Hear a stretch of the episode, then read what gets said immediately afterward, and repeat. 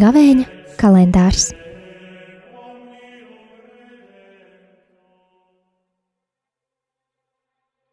Piecpadsmitais aprīlis, Lielā piekdiena, Kunga ciešanu un nāves piemiņas diena.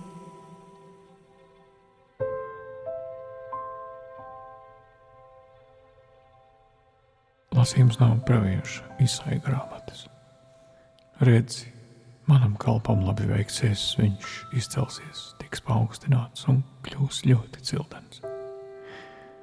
Kā daudz par viņu izbrīnās atrūkās, cik necilvēcīgi izkropļots bija viņa izskats, un viņa tēls nebija cilvēkam līdzīgs. Tā viņš pārsteigs daudzas tautas. Viņa priekšā karaļa aizvērs savu muti, jo ieraudzīs to, kas viņiem stāstīts nebija, un sapratīs to, ko nebija dzirdējuši. Kas ticēs tam, ko mēs dzirdējām, un kam ir atklājusies kunga roka? Viņš uzaugs tā priekšā kā atvase kā sakne no izkautušas zemes. Viņam nebija nekāda jaukuma, nedz skaistuma, ka mēs viņu uzlūkotu, nedz arī izskata, ka viņš mums patiktu. Viņš bija nicināts un ļaužu atstumts, sāpju vīrs, kas pazīst ciešanas, un kā tāds, kura priekšā mēs aizsedzam seju tik nonievāts, ka mēs viņu diez ko nevērtējam. Taču viņš nesa mūsu grūtumu un uzņēmās mūsu ciešanas, bet mēs viņu uzskatījām par sodītu, dievu šaustītu un pazemotu. Viņš bija ievainots mūsu grēku dēļ un mūsu noziegumu dēļ satriekts. Viņš saņēma sodu, lai mēs gūtu mieru. Caur viņa brūcēm mēs esam dziedināti. Mēs visi maldījāmies kā avis un aizgājām katrs savu ceļu, bet kungs uzlika viņam mūsu visu pārkāpumu. Viņš tika mocīts un pats to atļāva, un savu muti neatvēra. Kā jērs, kas tiek vēsts uz kaušanu, kā avs, kas paliek klusa savu cirpēju priekšā, tā viņš savu muti neatdarīja. Pēc varmācības un tiesas viņš tika aizrauts projām. Kam tad rūp viņa liktenis? Viņš tika paņemts no dzīvo zemes, manas tautas noziegumu dēļ saistīts un nonāvēts.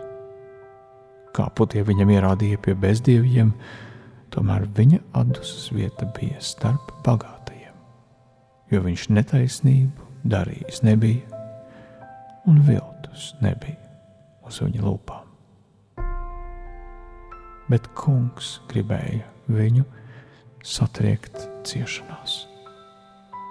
Ja savu dzīvību viņš atdos upurī par grēkiem, viņš pieredzēs ilgu mūžu pēcnācējos, un caur viņa roku piepildīsies kunga griba. Savas dvēseles ciešanu dēļ viņš ieraudzīs gaismu un būs apmierināts par savu atzīšanu. Mans taisnīgais kalps attaisnos daudzus un pats nesīs viņu grēku. Tādēļ es viņam piešķiršu daudzus, un viņš kopā ar varenajiem sadalīs laupījumu, jo viņš savu dzīvību deva nāvē un tika pieskaitīts noziedzniekiem. Un viņš uzņēmās daudzu grēkus un par pārkāpējiem lūdzās. Tie ir svēto rakstu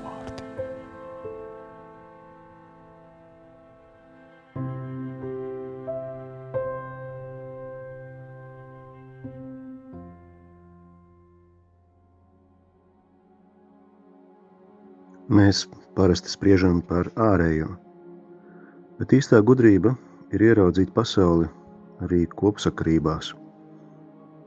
Tas, kas ir cilvēkā apslēpts, tas, ko mēs nepamanām, tas, kas ir varbūt arī daudzkārt svarīgāks nekā ārējais. Un šodien Praviešu izsēja grāmatā mēs ieraugām, ka kāds par mums ir atdevis savu dzīvību, lai mēs dzīvotu, un mēs par to nebijām pamanījuši. Un mēs saņemam dziedināšanu Kristus brūcēs. Viņš ir tas, kurš mūs dziedina. Pie viņa mums jānāk savās sāpēs, savās bēdās, grūtībās. Mēs parasti skatāmies uz savām personīgajām interesēm, bet viņš atgādina par galveno, vienīgo svarīgo.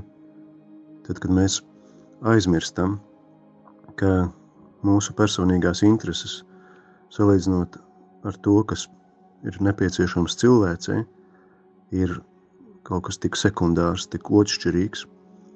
Un šodien Jēzus mums atkal parāda, tu vari uzupurēties, tu vari ļoti daudz ko izdarīt citu labā. Viņam ir uzlikta mūsu vaina. Viņš nes mūsu vainu. Tas ir kā smags krusts.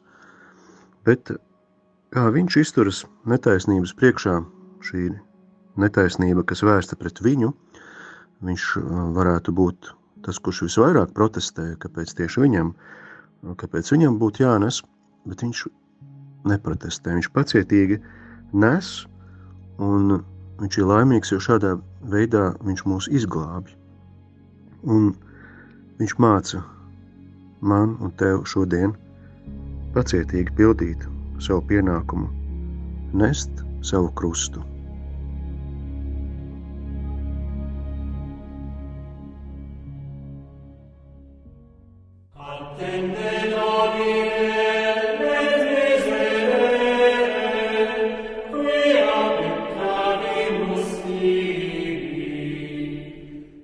Gavēņa kalendārs